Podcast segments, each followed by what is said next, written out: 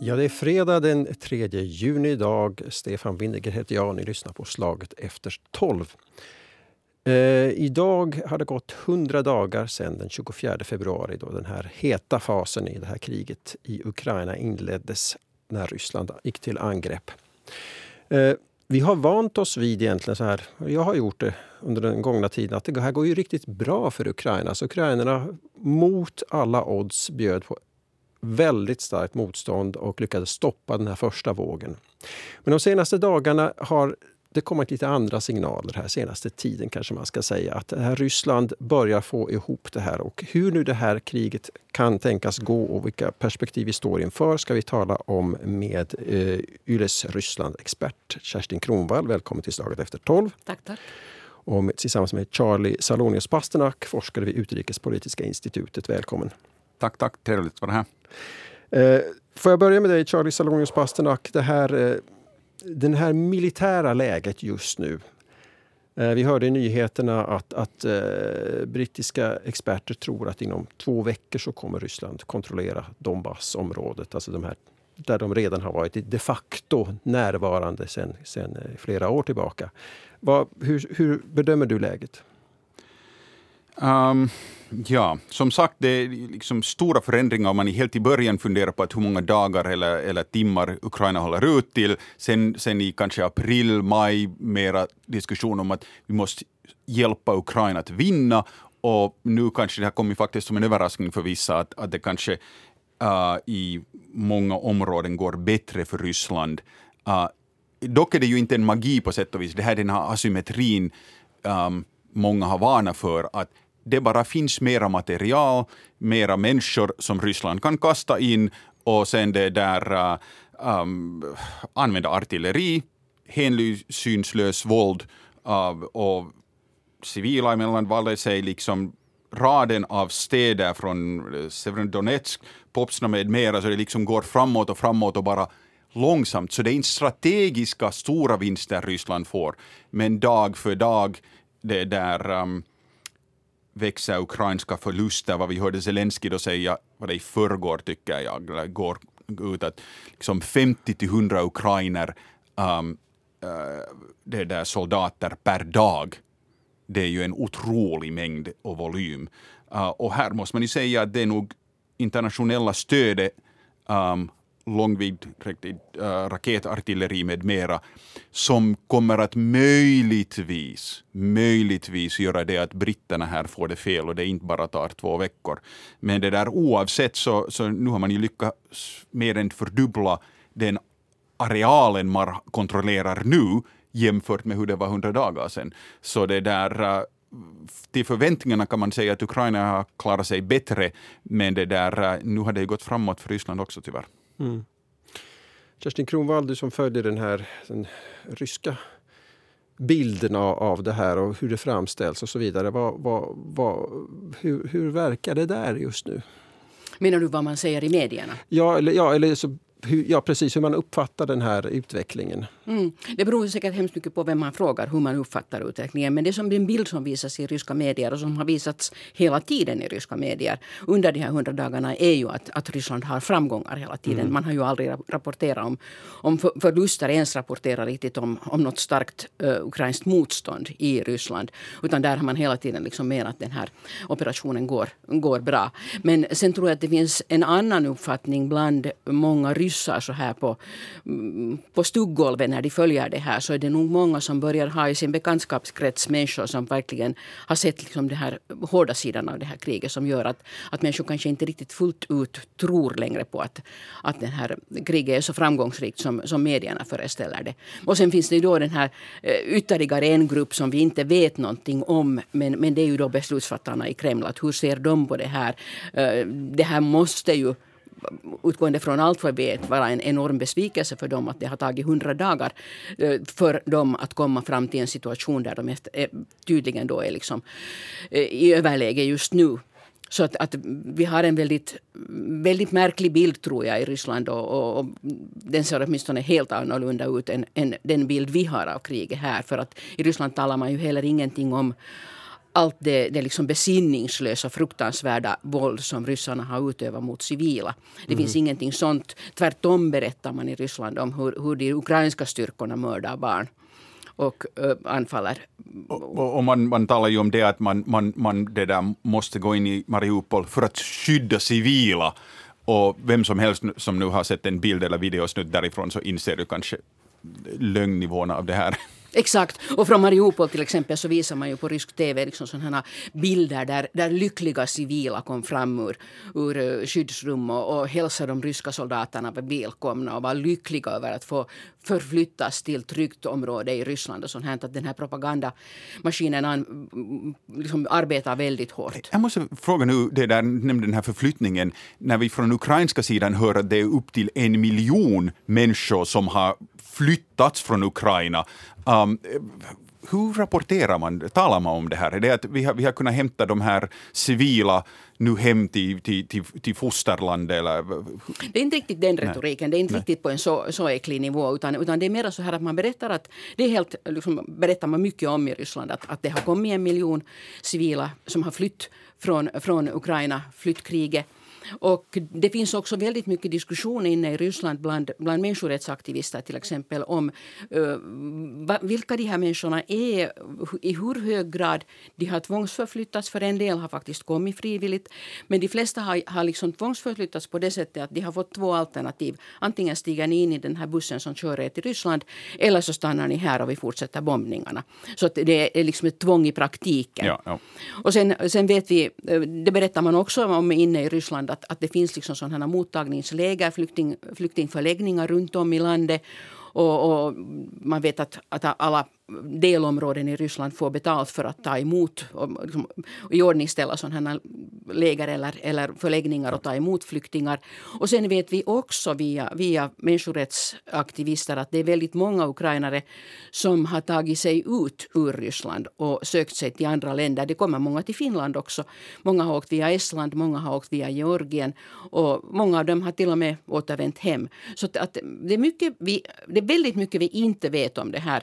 Men det är också väldigt mycket där, där allting tyder på att också den ukrainska sidan äh, kommer med lögner i det här fallet. Att det är liksom, äh, vi vet inte hur allvarligt läget är och, och, hur mycket tvång som används mot de här civila i Ryssland.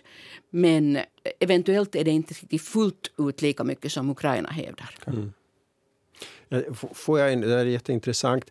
Eh, det här, den här uthålligheten i den här konflikten. Alltså den här, bara för att vi ännu ska liksom eh, slutföra det här resonemanget kring, kring hur styrkeförhållandena så här att, att med all respekt och det hjältemod för Ukraina som vi har med all rätt eh, eh, känt när vi har sett deras förtvivlade försvarskamp här.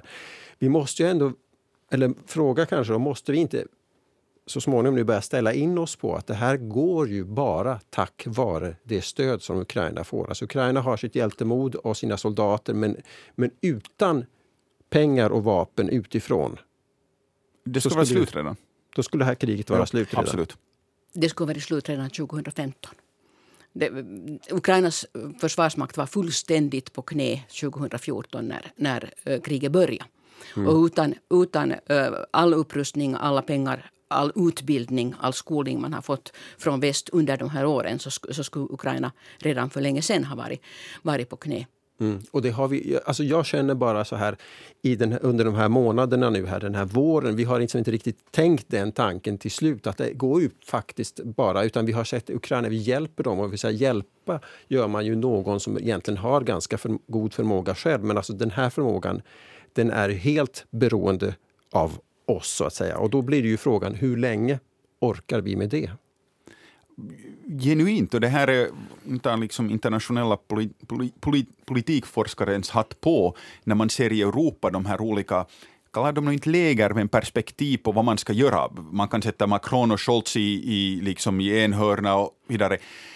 Så det är ju en diskussion man måste ha, att om det här försvaret eh, kräver så att säga fortsatt som det gör, stöd från Europa, USA, vissa andra länder, så finns det då något krav vi kan ställa på det här? Eller är det bara en blank check att vi skickar så mycket vapen så länge som möjligt, utan har man en, liksom en teori av hur kriget slutar. Mm.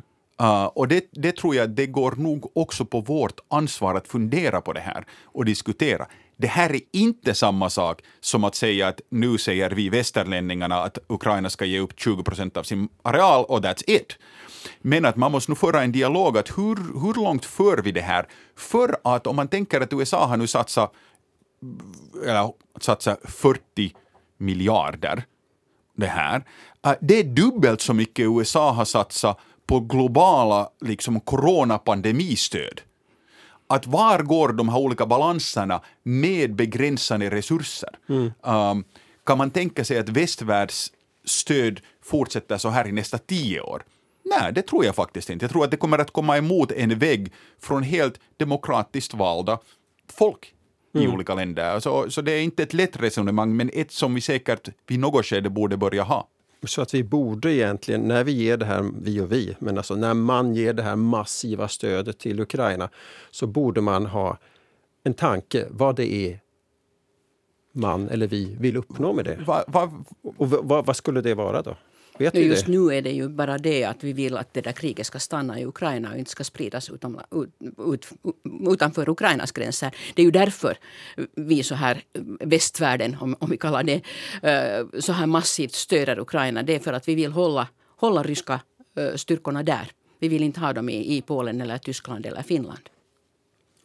Men vad, som, vad säger oss det om vad som vi kan vänta oss ska ske i Ukraina då? Finns det, har vi, har vi, Men det här är just den här balansen. Det, var, det är lättare på sätt och vis. Internationella medien har varit fullt med, med liksom, titta på vinterkriget i Finland och Ukraina och, och det här. Där skulle jag kunna säga igen från liksom forskarhatten på att uh, finska statsledningen hade ju otroligt svåra uh, val, men det var på sätt och vis finska statsledningens. Jämfört med nu kan man med rätta säga att okej, okay, vi stöder Ukraina på många sätt redan nu och det kommer att vara ett otroligt projekt att stödja ombyggningen av landet på många, många sätt och i många decennier. Um, men då skulle jag säga att nu finns det någon diskussion att ha att okej, okay, att vad är möjliga mål? Vad är idealistiska mål? Är det, är det just nu möjligt att tänka sig, eller borde ett mål vara att återövra Krim? Mm, det är en bra diskussion att ha. Är det, eller är det Donetsk, eller vad, vad är de här områdena? Det är säkert jättesvåra diskussioner man inte kan ha nödvändigtvis offentligt. Men jag hoppas att Zelensky och, och västerländska ledarna ändå har de här diskussionerna. Och lite tydligen har man haft det om man tänker på hur amerikanerna, igen delvis för att begränsa kriget, liksom har nu ut i offentligheten vill indikera att jo, raketartilleri, men det ska bara användas innanför Ukraina som från ett försvarsperspektiv är lite udd. Men jag tror att det har med de här diskussionerna att göra, att vilja begränsa på sätt och vis hur kriget kanske går framåt även i Ukraina. Och det här kommer ju att bli otroligt svårt sen när vi kommer till den dagen att det ska börja föras fredsförhandlingar och man ska diskutera att, att hur går det. Jag tror att, att Ukraina sådär mentalt, uh, hela majoriteten av Ukraina har på något sätt tagit farväl av Krim för, för tiotals, om inte hundratals år framåt. Men när det gäller östra Ukraina, eh, Donbassområdet, så där tror jag att det kommer att bli oerhört svårt. För vi kan stå en dag inför det att Zelensky helt enkelt i fredsförhandlingar blir tvungen, trots allt vad han säger emot det nu, att gå med på att en del av, av Ukraina blir ryskt territorium. Och den dagen så kommer det att bli oerhört eh, konfliktfyllt inom Ukraina för att det finns så många som absolut inte vill förlora en enda millimeter av land. Alltså om man tänker sig det där i Finland gick det ju liksom lite i skymundan och fort och sen blev det ändå en chock. Uh, nu lever vi i en helt annan medievärld med socialt media. Det, det, det, kommer att bli jättesvårt och här tror jag att väst har ett visst ansvar att, om det, vi säger att det är Zelensky, kunna säga att jo, nu har vi tyvärr så att kriget slutar, måste ge upp A, B och C. Men äh, västerländerna har lovat oss hundratals miljarder av pengar, euron till, till att återbygga. Och dessutom har vi tagit från äh, äh, tar vi ryska pengar som, det där, som, som, som då har blivit det där gripna uh, till det här. Det är något sånt här så att han kan förklara att det, det var liksom i helheten vinner Ukraina mera än man ger upp. Det är ju det slutliga meddelandet han måste få ukrainska folket att vi något skede acceptera. Uh, sen vad den där kompromissen är, så det, jag är helt fel, fel person för att säga mm. exakt vad den ska vara. Ingen av oss kan veta ja. det. Men den här, eh, det var någon klok människa som är klokare än jag som sa att man kan ju inte ha en fredsöverenskommelse mot den ena parten utan det förutsätter att man har den med om det inte är fråga om en, alltså en fullständig kapitulation. Så att säga. Så att om det ska bli en fredsförhandling med Ryssland så måste ju Ryssland ändå känna, känna något. Du var inne på det Kerstin Kronwall, hur, hur, alltså hur, hur, att det är svårt att säga vem man talar och vem man frågar i Ryssland. Men, men det är så mer generellt det här kraven och stödet för kriget som ju förmodligen inte kommer att vara i evighet i Ryssland heller.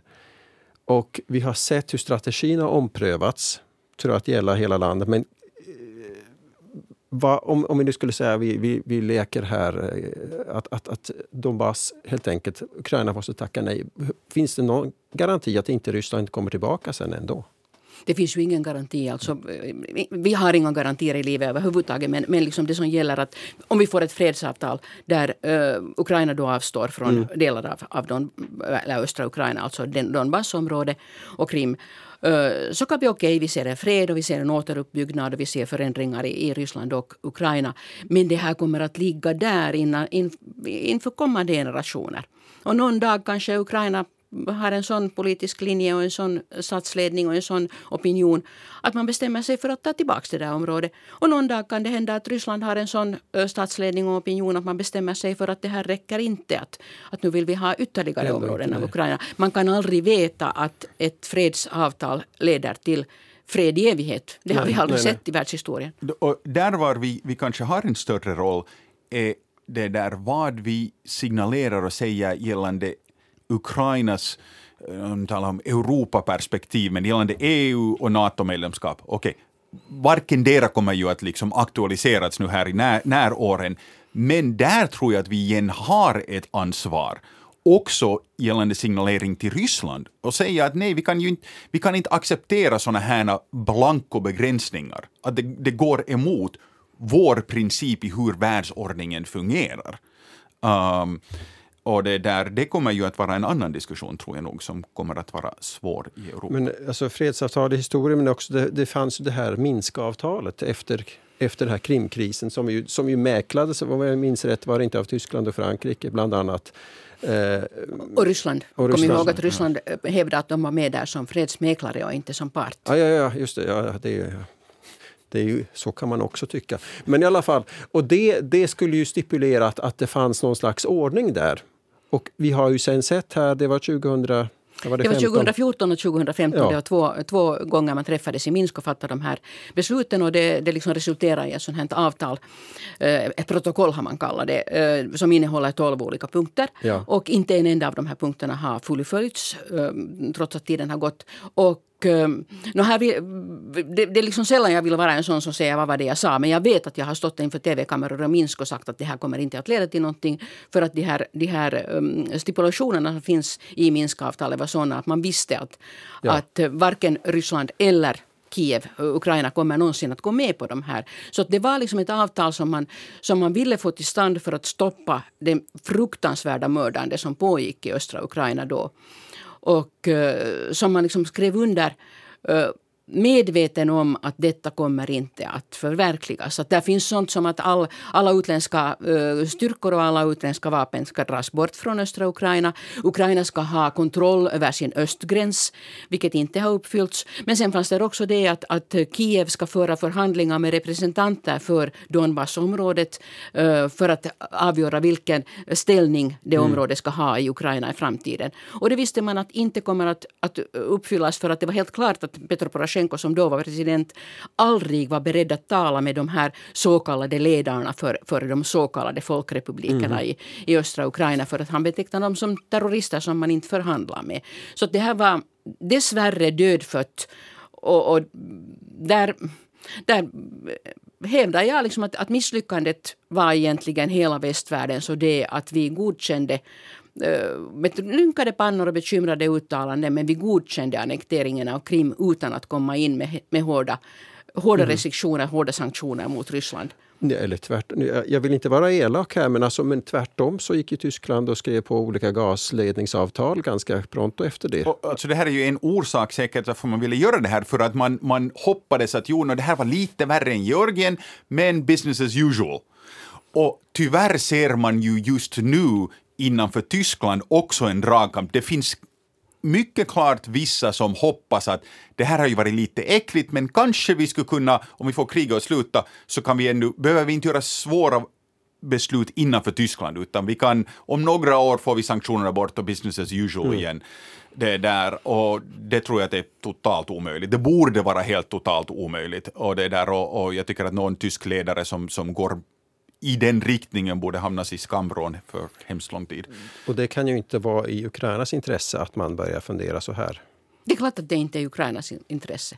Det, det är väl nej. helt självklart. Nej, nej. att man återigen så att blir ser att Ryssland vill många saker och Tyskland behöver mycket energi och det finns och så vidare och så vidare. Sen ger det ena det andra och sen vad är det i längden och sen blir det många demokratiska mm. val i Tyskland och, och, det blir inflation och det blir priser och arbets... Och hel, alltså, det, helt, som man hör här nu dagligen den här diskussionen.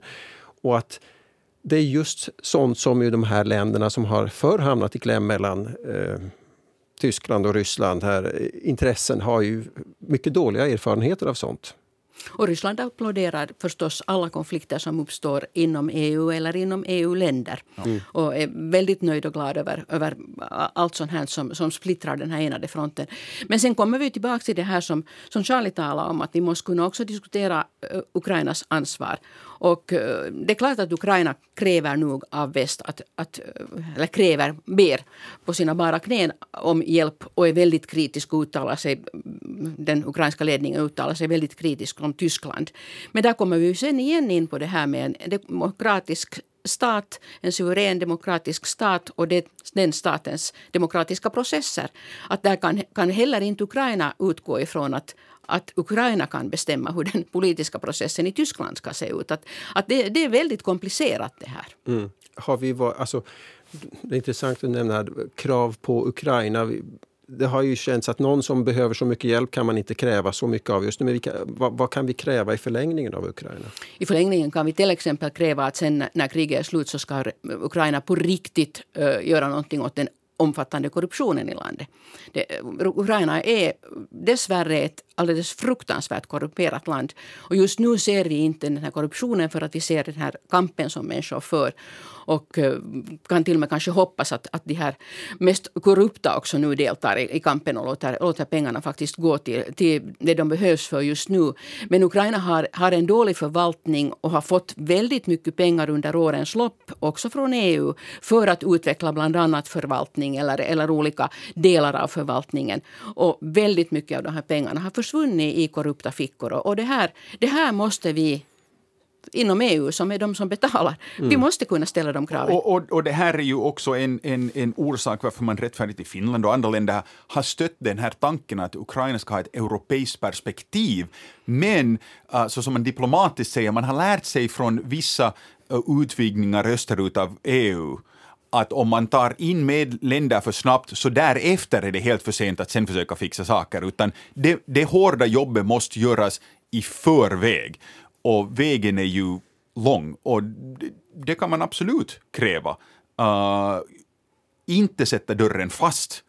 För att om man nu är ärlig, så om man tittar på liksom Finland 120 år sedan, så vi var ju liksom under Albanien om man tänker på liksom ekonomisk och, och, och hur samhället såg ut på sätt och vis um, från ek ekonomiskt perspektiv. Um, så det där, nu måste man ge möjligheten att över decennier så bygger man en mindre korrupt stad va, som har liksom som en nationell identiteten blev förändrad av det här kriget.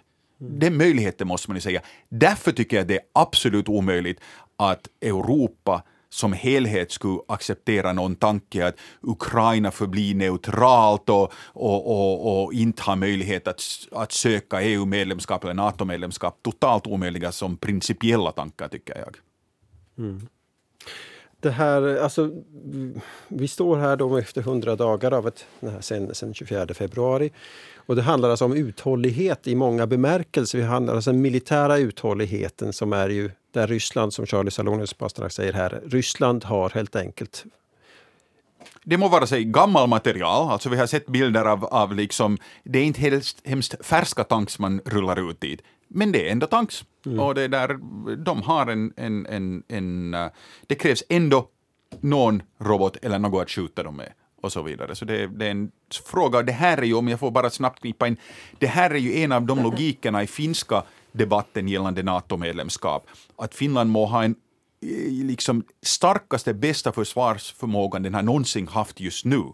Men i långa loppet, om krig tar länge, mm. så finns det en viss asymmetri mellan Finland och Ryssland. Det är bara mm. så. De ryska lagren är större helt enkelt. det är så.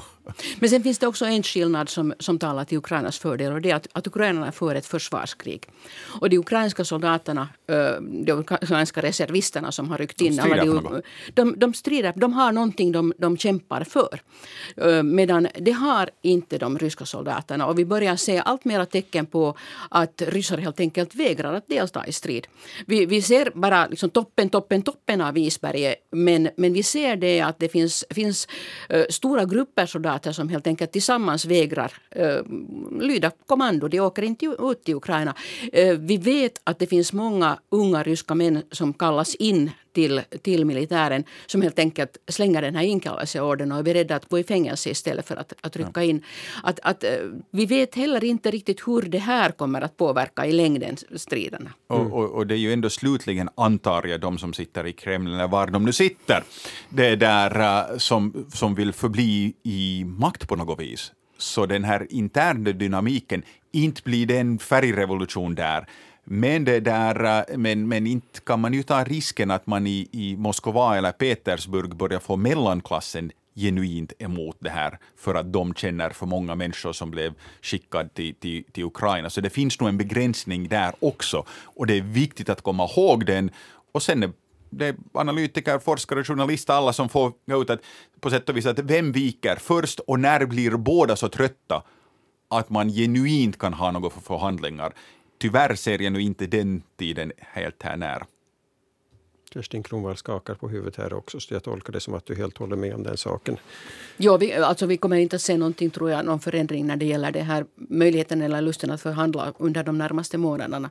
Vi får se vad hösten för med sig, men, men jag, tror, jag tror att Dessvärre är det lite som, som med att leva. Att ju längre man lever desto längre blir ens, ens eh, förväntade livslängd. Och ju längre ett krig tar desto längre blir den förväntade tiden ett krig kommer att ta.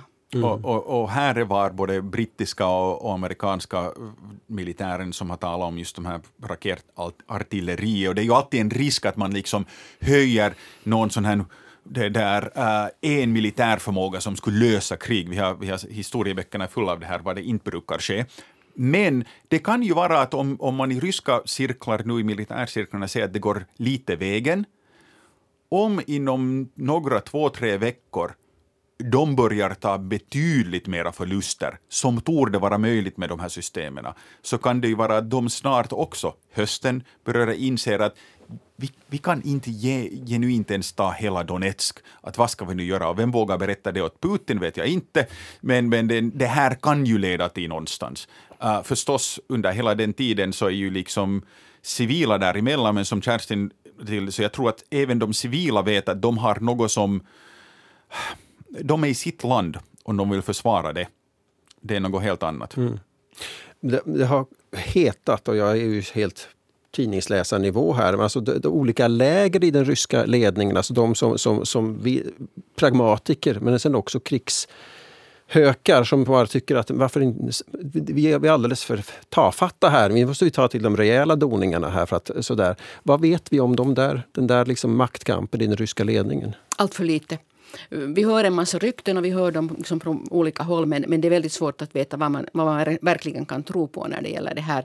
Uh, vi vet heller inte liksom vilka planer det finns inne i, i den ryska liksom, innersta makteliten just nu. Att, att uh, pågår där en maktkamp? Kommer det verkligen att ske ett, ett, en förskjutning? Kommer Putin att förlora makt? Kommer någon annan att ta över makt?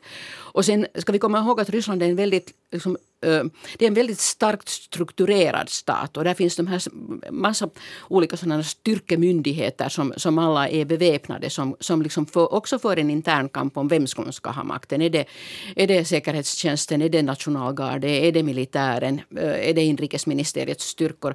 Att, att den här interna ryska maktkampen uppfattar jag åtminstone just nu som väldigt väldigt sluten och vi kan liksom bara spekulera i det. Och jag, jag ger mig inte gärna in på de här nej, spekulationerna. Nej, nej, men det, det, är intressant att veta att, att vi läser, jag antar att jag inte är ensam om att ha läst massa rykten och påståenden. Allt från president Putins hälsa till liksom vad nu oligarker kan tänkas stödja eller icke stödja och militärer vill och inte vill. Och, och det är ju i en sån här, i en sån här situation är ju en, en förhandlings, eller inte förhandling, men en, en, en styrka att hålla motståndaren så okunnig som möjligt. Eller hur? Är inte det strategiskt rätt att, att man ska inte låta veta vara alltför uppenbar med vad man vill eller vad man egentligen har för förutsättningar? Det, det är ju en sak som brett i en väst har anklagats för, att vi är, vi är för transparenta, vi är för klara med saker när motståndaren inte är det. Men inte vet jag vad man skulle kunna göra. Inte kan man ju stänga europeiska statsledningen någonstans och inte berätta något om, om dem eller hur de mår eller vad de har diskuterat och så, och så vidare. Det där, eh, vem vet? Det, det som jag tror att säkert oroar mest, om jag tänker på amerikanska politiska ledningen Europa, är att hålls liksom tänkande runt till exempel kärnvapenanvändningen. Vem, vem håller i de snören? Och hålls den på en på något vis rationell nivå? Eller finns det en risk att det liksom går av spåren? Det är säkert ett jättestort orosmoment. I, alltså in, inom Ryssland menar du nu? Vem ja. Ja, ja. ja. Mm, ja alltså, eh, finns det någon i Ryssland som tror genuint att Ukraina är värt att bryta uh, kärnvapenanvändningstabun för? Uh, jag skulle hoppas att svaret är absolut inte. Men, det svaret har vi inte. Men det svaret har vi inte, nej. Och de här uppenbarligen, och vi ska nu absolut inte nämna siffror därför att uh, siffrorna är väldigt mm. problematiska, men uppenbarligen väldigt, vi nämnde för de ukrainska förlusterna, men även de fortsatt enormt stora, vad jag förstår, ryska förlusterna. Eh, är det så att Ryssland är beredd att offra människor bara på det här sättet? Och hur långt? Den ryska statsledningen och den ryska militära ledningen är beredda att offra människor i så stora mängder det behövs. Det finns helt inskrivet i den ryska militära tänkande. Det görs nya soldater hemma hela tiden och vi kan använda dem till slut. Och eh, så länge man använder äh, beväringar som är inkallade och som skriver, skriver äh, kanske tvingas skriva på avtal för att gå ut i kriget eh, så drabbar eh, förlusterna, alltså det att man förlorar sina barn eller sina fäder eller sina bröder, så eh, det drabbar människor som är utsatta från tidigare. Det gäller etniska minoriteter, det gäller social grupp liksom lägst ner och det gäller människor på avlägsna orter. Det är inte i storstäderna man värvar soldater. Och det här gör också att, att man samtidigt då eh, för de familjer där man faktiskt bekräftar att deras eh, någon anhörig har stupat betalar ut en ganska ansenlig ersättning och med, med kravet att, att ni håller tyst. Här får ni pengarna och, och, det här är så som det har hänt och ingenting förändrar någonting om ni börjar skrika om det här. Så länge man håller, håller det på det här sättet så, så finns det liksom ingen stark opinion som kräver att vi ska inte, vi ska inte eh, tvinga unga människor in i döden. Mm. Det här är, det här är väldigt frustrerande höll på, alltså, ur många aspekter. Att, att det är ju inte bara frustrerande, det är ju omänskligt. Det är hemskt. Jag menar, men alltså det är frustrerande för oss att försöka förstå här. Därför att det, det, man, man kör huvudet i någon slags vägg där man inte begriper. Och sen är det alltså ett mycket auktoritärt samhälle där, där vi just för länge sedan skulle sett att vi skulle ha demonstrationer här överallt i hela västvärlden här om, om man offrade unga män på det här sättet. Och så har vi ett ryskt samhälle där, just, där det här i princip är förbjudet. Eller? Mm. mm. Men det var lite det som Charlie var inne på, att, att vi kan inte stänga in de europeiska statsledarna och inte, att de inte berättar vad, vad de bestämmer. Det har tagit 20 år för Putin att bygga upp ett sånt här samhälle där ingen, ingen får veta någonting. Där alla är liksom kuvade och där, där straffen för att protestera eller ifrågasätta är så höga och har bevisat så många gånger att man verkligen utmäter de här straffen. Att människor faktiskt liksom har skrämts till tystnad. Och, och, det har ju gått till en, en nivå som man liksom äh, inte ens under Sovjet, Sovjettiden på ett visst sätt så om, om du står i, i någon rysk park och håller Tolstojs krig och fred så blir det ju liksom för till Butkan omedelbart för att man inser att det är en protest. Men det där, eh, och, och det här systemet tog ju en tid och vi kan ju inte hoppas att man ska ha något liknande system någonstans annanstans fast kanske vissa länder i, i, i det där närområdet till och med försöker något likadant. Men det där, um, uh, ja vad är det att säga, det, det är liksom, det, det kanske känns orättvist, men det här är kanske um, det som vi måste betala för att man har brett sagt i väst i 20 år i alla fall glömt att det finns något att försvara. Uh, det låter jättekrasst när någon amerikansk cowboy säger att freedom isn't free. Men det är ju lite så. Också för oss som går till butiken här och tittar att saker har blivit dyrare. De som jobbar med, med liksom stöd till afrikanska länder som funderar på att hur många människor är det som kommer att svälta det här året och så vidare. Att det, det finns konsekvenser av att ha låtit Putin bygga ett sånt här system Uh, och samtidigt har vi ju tagit gladeligen pengarna för liksom fina bilar, köpta barn som går i fina skolor runt om i Europa och, och så vidare. Och, och, kanske det här är den väckarklockan vi på sätt och vis har behövt. Och tyvärr är det nog ukrainare som betalar ett ännu högre pris än vi för det. Och Ukraina har ju betalat liksom, just av den anledningen att Ukraina ansåg att landet inte har någon fiende. Det fanns ingen landet Ukraina hade ingen fiende. Så trots att man hade en ganska välfinansierad militär så försvann alla pengarna i korrupta fickor. Man använde en del på att Ukraina har haft en del fredsbevarare ute i världen och de har varit välutrustade och är också välutbildade och utgjorde grunden sen för, för eh, ledningen inom militären när, när kriget började. Men 2014 när, när kriget började så hade Ukraina liksom inget försvar. För att man hade utgått från mentalt att man har ingen fiende vän med Europa och Ryssland ett broderfolk eller systerfolk så att säga som, som bara vill en gott. Exakt. Och det här har säkert, kan jag tänka mig, raderats nu. Om, om finska statsministern Sanna Marin sa att det tar en, i alla fall en generation, decennier, före man kan ha någon slags tillit till Ryssland så Ukraina kan jag bara tänka mig att det, det kommer nog att vara längre. Ja, alltså det här, det här hatet förstås, liksom eh, genuint hat, genomgående hat finns nu. Att, att till exempel, det märker jag själv i min personliga kontakt med människor, att om jag, om jag för uh, ukrainare som jag känner berättar om, om ryska människorättskämpar som gör allt vad de kan för att hjälpa uh, ukrainska flyktingar i Ryssland eller som gör allt vad de kan och det är så väldigt lite för att liksom motsätta sig de ryska makthavarna. Så finns det inte en ukrainare som lyssnar på det här utan det, det är liksom helt så här att hela det ryska folket är botten. Vi, vi, kan inte se någonting gott i hela det ryska folket. Och det här kommer garanterat att pågå i generationer. Och vi vet ju hur det har varit i Finland. Jag menar, alla vi i Finland har, har anhöriga eller bekanta eller, eller vänner som, som genom åren, trots att liksom situationen har förändrats, så har levt med den här krigs, det här hatet och bitterheten som uppstod under krigen. Och, och liksom inte varit god, beredda att se någonting gott i Ryssland. Va, vad gör det här kriget då med ryssarna? Det här kriget gör att, att ryssarna blir förstörda. Alltså det, det händer så tragiska saker med människor som är så förtvivlade och olyckliga och, och helt enkelt liksom har brustet hjärta över det som deras eget land gör. Och sen finns det de som, som är så förblindade av, av propagandan att de står liksom i ett helt annat läger. Så det splittrar Ryssland inifrån på ett alldeles förfärligt sätt. Det gör ju att, att en massa människor är drabbade av sorg. Det gör att en massa människor förlorar ekonomiskt. Så att eh, det ryska folket mår väldigt, väldigt dåligt av det här som helhet. Och det kommer inte att bli bättre för Ryssland under en, ja, jag vågar nästan säga en överskådlig framtid. Mm. Och, det här, alltså, och nu har vi ju inte nämnt ordet sanktioner och det hinner vi inte göra nu heller. Så att den här ekonomiska biten, det får vi ta i en annan sändning.